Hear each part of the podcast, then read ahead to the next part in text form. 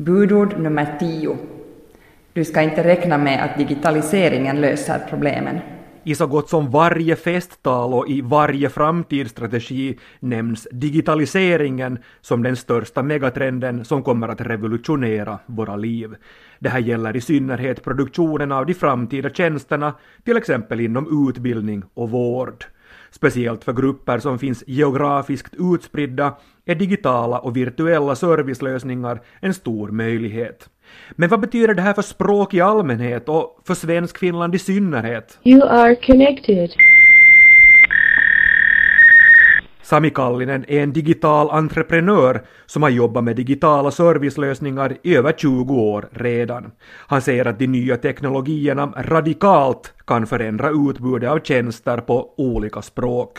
No, de senaste åren så har språk äh, och äh, lösningar som ha, handlar om språköversättning, äh, också litterering, den typen av teknologier tagit ganska stora framsteg och ganska, ganska, på sätt och vis ganska snabbt. Det kan man ju sen fundera vad som är snabbt och vad som inte är snabbt. Och.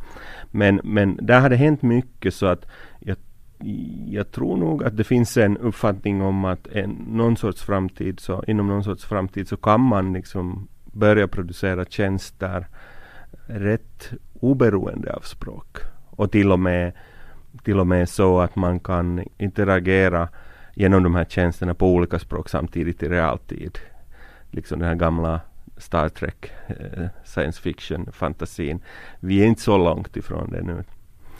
Vi kommer att se en framtid där, där språk är egentligen kanske inte är relevant fråga mera när man äh, erbjuder tjänster maskininlärning, automatiska översättningar och olika digitala språkprogram kan alltså enligt Sami Kallinen leda till att definitionen av service på olika språk kan få en helt ny betydelse. Men vad kan det här då innebära för Svenskfinland?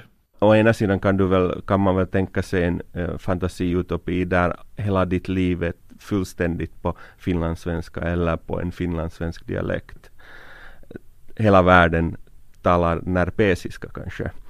Men sen kan det också finnas, eh, det, kan bli, det kan ju också bli tvärtom. Att, att det där, eh, det finns inget behov att, att, att ha ett sådant språk, upprätthålla sådant språk heller. Paradoxen som Sami Kallinen beskriver handlar om engelskans frammarsch som det digitala språket samtidigt som teknologierna gör det möjligt att kommunicera på en mängd olika språk så vinner engelskan allt mer mark. Av en mängd, på grund av en mängd sammanträffanden så har det ju blivit så att engelskan har blivit eh, lingua francan i, i, för globaliseringen. Och en, ett element av globaliseringen är också digitaliseringen. Och, och jag tror att den har accelererat engelskans frammarsch Um, och just nu så, uh, så ser jag att engelskan absolut dominerar och folk lär sig engelska i, på, i länder och på orter som man, man tidigare hade svårt att tänka sig att det skulle hända.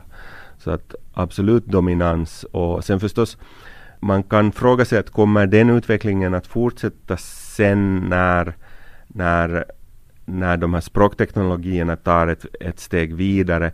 Men jag skulle kanske ändå gissa att det kommer, det är lite så här, det, det, det handlar om nätverkseffekter. Så engelskan har liksom tagit språkens nätverkseffekt och nätverkseffekt handlar om att när du har tillräckligt stor massa som, som fungerar ett nätverk så blir den oumbärlig och, och då då blir det enkelt så kallade, en så kallad naturlig monopol också, det vill säga att allt annat försvinner, den tar över allting. Och du kan se det i tjänster som Google, Facebook, som i princip dominerar nästan hela världen. Alla, alla använder dem. Och man skulle kunna tänka sig att, eller se det som så att engelskan har fått samma nätverkseffekt i den här världen som vi är i nu. Sami Kallinen säger att det är mycket svårt att förutspå hur snabbt de olika språkteknologierna kommer att utvecklas. Det som gör det extra svårt är lagstiftningen som nu börjar hinna ikapp den digitala utvecklingen. Speciellt skandalerna kring Facebook och de nya förordningarna kring dataskyddet kan förändra utvecklingstakten, menar Kallinen. Vi, vi är i en ögonblick där det kan uppstå mycket starkare lagstiftning och den typen av reaktioner till det som utvecklas nu, vilket inte egentligen har hänt.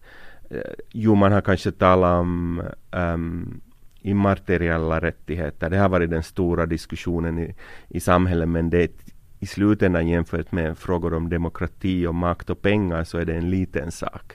Det som förstås sen komplicerar den utvecklingen är att vi pratar om väldigt känslig pers känsliga personuppgifter. Och det är, en, det är en process också som vi jobbar med hela tiden där vi eh, försöker hitta balansen. Hur kan vi möjliggöra de här nyttorna som, som, eh, som de här metoderna och teknologierna erbjuder samtidigt som vi kan värna om folks integritet och, och mänskliga rättigheter i princip. Så där är en, det, det svaret har vi inte riktigt ännu. Det finns, det finns teknologiska lösningar som man utvecklar kring det och det finns väldigt mycket juridik som till exempel GDPR, eh, dataskyddsförordningen som träder i kraft här nu. Budord nummer 10. Du ska inte räkna med att digitaliseringen löser problemen. Ett exempel på en finlandssvensk digital servicelösning är Virum. Virum är en applikation för de finlandssvenska gymnasierna. Den började utvecklas år 2015 med en massiv uppbackning av Svenska kulturfonden. En av pionjärerna i projektet heter Stefan Kula. Stefan Kula är till vardags rektor för Topelius gymnasie i Nykarleby. Den stora visionen var det att alla skulle använda samma och egentligen vi försökte skapa det bästa som finns. Eh, och, och, då skulle alla gymnasier kunna samarbeta. Lärarna skulle kunna samarbeta. Skolorna skulle kunna samarbeta. Eh, så, så att den här, den här visionen och, och, den här ideella aspekten av den här, av den här verksamheten så tycker jag egentligen är, är, är jag har svårt att hitta argument mot varför skulle man inte vara med. Rektor Stefan Kula i Nykarleby och hans kollegor i norra Österbotten drev projektet Virum och fick med sig bland annat gymnasierna i Borgo, Pargas och Hangö. Målet var alltså att samtliga finlandssvenska gymnasier skulle kunna samlas kring en gemensam digital plattform.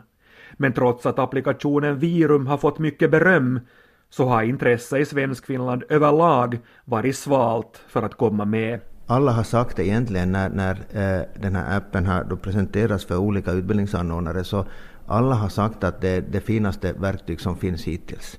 Den är egentligen tredelad den här appen. Alltså det, det handlar om en, en anteckningsbok som studerande kan använda. Det handlar om, om kurser som man då har gjort färdigt och det handlar om helt enkelt om, om kurser som man använder i undervisningen. Det mest intressanta med Virum är att i Virum-appen så är allt det här möjligt. Och ändå finns inte ett intresse för att ta i bruk det som vi skapat för Svenskfinland.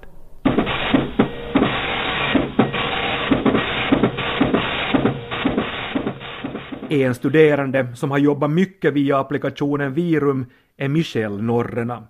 Hon har nu studerat två år vid Topelius gymnasiet i Nykarleby och hon har testat att ta kurser via Virum och också att använda den här appen som sitt digitala anteckningsblock. Det var nog intressant det också. Du tänker att alla kunde gå in och se på samma material och det var liksom, du hade en färdig presentation så du behövde inte anteckna någonting heller. Så det blev mycket mera elevdeltagande tycker jag. För vi behövde inte anteckna något då vi hade materialet på datorn. Och det var då igen intressant att få testa på. Och det här med digitala kurser är också en intressant sak för du tänker på ett sätt så vänjer det en med sen hur det ska bli i studentskrivningarna. Du tänker ifall repetitionskursen hålls på Virum digitalt med väldigt liknande eh, program som sen används i studentskrivningarna så har du ju en stor fördel. Du hinner både gå igenom allt du behöver ha repeterat och så hinner du gå igenom hur du ska använda programmet och få gjort det du vill göra. Så det är jätteanvändbart med digitala repetitionskurser, särskilt nu inför den nya läroplanen. Michelle Norrena i Nykarleby har också under läsåret gjort ett test. Hon prövade att studera helt digitalt, alltså helt utan papper. Hon ville förbereda sig för de digitala studentskrivningarna och så ville hon se om det är möjligt att gå gymnasiet helt digitalt. Det visade sig vara lättare sagt än gjort.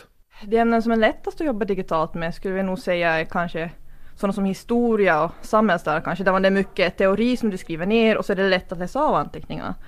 Svårare ämnen då igen är kanske matte, för ifall du har en lärare som går igenom allting snabbt så kan det bli svårt att hänga med. Och till exempel biologi och kemi, där det kan bli mycket ritande och det är svårt att hitta en digital lösning på. Att modersmål är ett ämne där man papper, det håller jag ändå ganska nära att jag skulle gärna vilja anteckna på papper. För du tänker till exempel om man ska analysera en text, så det är jätteanvändbart att du kan gå in och sträcka, ringa in och sträcka över och till exempel använda olika färger och sånt och faktiskt få uttrycka det i texten. Det finns det inte någon bra lösning för digitalt, så det minns jag att jag saknar lite och sen tog fuska lite också och faktiskt skriva upp, för det hjälpte mig sen då jag skulle skriva essäer och analyser. Men det gjordes ju digitalt då igen så. Michel Norrena har överlag trivts bra med att studera utan papper och att jobba i Virums virtuella miljö. Men trots att hon är nöjd så ser hon ett orosmoln på himlen. Den enda oron jag egentligen har för framtiden är ifall jag sen vill ha mina anteckningar och uh, jag har dem digitalt någonstans och jag vill inte betala för en ny licens ifall jag kommer ha tillgång till dem. Till exempel ifall jag sen går in, till exempel om vi säger nu att jag läser matte vid Åbo Akademi och så vill jag läsa något om integralanteckningen jag hade gjort i gymnasiet. Om jag inte slipper åt dem då så då kan det bli lite sådär knivigt att någonting jag vill repetera förrän vi börjar med det men så kan jag inte hitta det. Det är lite sånt som oroar mig att ifall det är enklare att material tappas bort då man går över till digitalt just att då man får ett sånt lager att kan man behålla allt av det där lagret inte, då igen är det enklare med häften att bara lägga in i skåpet men programmen blir ju nyare och nyare och kanske de gamla modellerna faller av. Och så har du inte tillgång. Det är en intressant oro egentligen. När jag ber Michel Norrena att utvärdera sitt år som heldigital studerande och att blicka framåt så ser hon att den digitala inlärningsmiljön är full av möjligheter. Norrena ser att digitaliseringen av gymnasierna är en utveckling som inte går att stoppa. Jag ser nog emot i framtiden att man ska uppleva mera digitalt och lära sig mera digitalt. Att det öppnar så mycket möjligheter både för material, för undervisningssätt. Du tänker, man brukar ju prata om det att inte alla lär sig på samma sätt och det tror jag också kan lösas på ett sätt med det digitala. Du måste inte bara sitta där och liksom läsa ner, skriva upp och höra på utan du kan lite mer anpassa det. Laga det själva mer interaktivt eller bara ha text eller om du till och med vill så kan du spela in dina anteckningar och lägga in ett ljudklipp där bredvid. Så har du dem sådär så kanske du kan höra på dem när du är ute på en jogg eller om du håller på och diskar eller någonting. Så det är nog bara möjligheterna är stora, det är bara att göra ta tag i dem och utveckla dem. Men frågan är om det är applikationen Virum som kommer att vara den framtida plattformen som används. Efter utvecklingsfasen börjar pengarna nu tryta och intresset på många håll i Svenskfinland för det här samarbetet saknas helt. Det här är både överraskande och också sorgligt, tycker rektorn och Virumaktivisten Stefan Kula. När man ser på Svenskfinland som helhet eh, så är ju Svenskfinland väldigt, väldigt brokigt fastän vi, vi, vi är finlandssvenskar. Eh, och det lärde jag mig när jag gjorde mina resor i Svenskfinland. Det finns en, det, det finns en brokighet som jag inte visste att existera. Och all, all form av... När jag då försökte tänka efter, finns det någonting i svensk, Svenskfinland där vi har kunnat enas om? Och så är det jättesvårt att hitta det. Och på något sätt det finns det finns regionala aspekter, det finns politiska aspekter, det finns olika aspekter som gör att det är så otroligt svårt. Projektet Virum sammanfattar mycket väl de utmaningar som svensk-finland har idag. Det är otroligt svårt att få till stånd ett samarbete som går över de regionala och lokalpolitiska gränserna. Virum är också ett typexempel på ett projekt som de finlandssvenska fonderna stöder. Det pumpas in massor av pengar för att bygga någonting nytt, men efter utvecklingsfasen finns det ingen som tar lyra för att driva projektet vidare. Rektorn Stefan Kula i Nykarleby säger att vi i Svenskfinland håller på och gräver vår egen grav. Jag vet inte om jag vågar citera äh, äh, Alf Rehn, men jag, jag ska ändå göra det. Därför att han sa som så att, äh, att vill man vi hade en, en eftermiddag att vi och diskuterade skolfrågor och, och, och, då sa han så här att vill man alltså få förändring till stånd så måste man alltså skapa hotbilder. Uh, och, och, jag tänkte länge på den här tanken och det, den, är, den är spännande men jag tror det att så, så länge som vi har det tillräckligt bra så, så då, då ans, gör vi inte en ansträngning för, för, som den här förändringen innebär. Men på något sätt får man alltså hotbilder. Att, eh, och det kan då vara ekonomiska, det kan vara eh, andra hotbilder kan vi prata om förstås. Men Eh, då, då, då först är vi människor villiga till en förändring.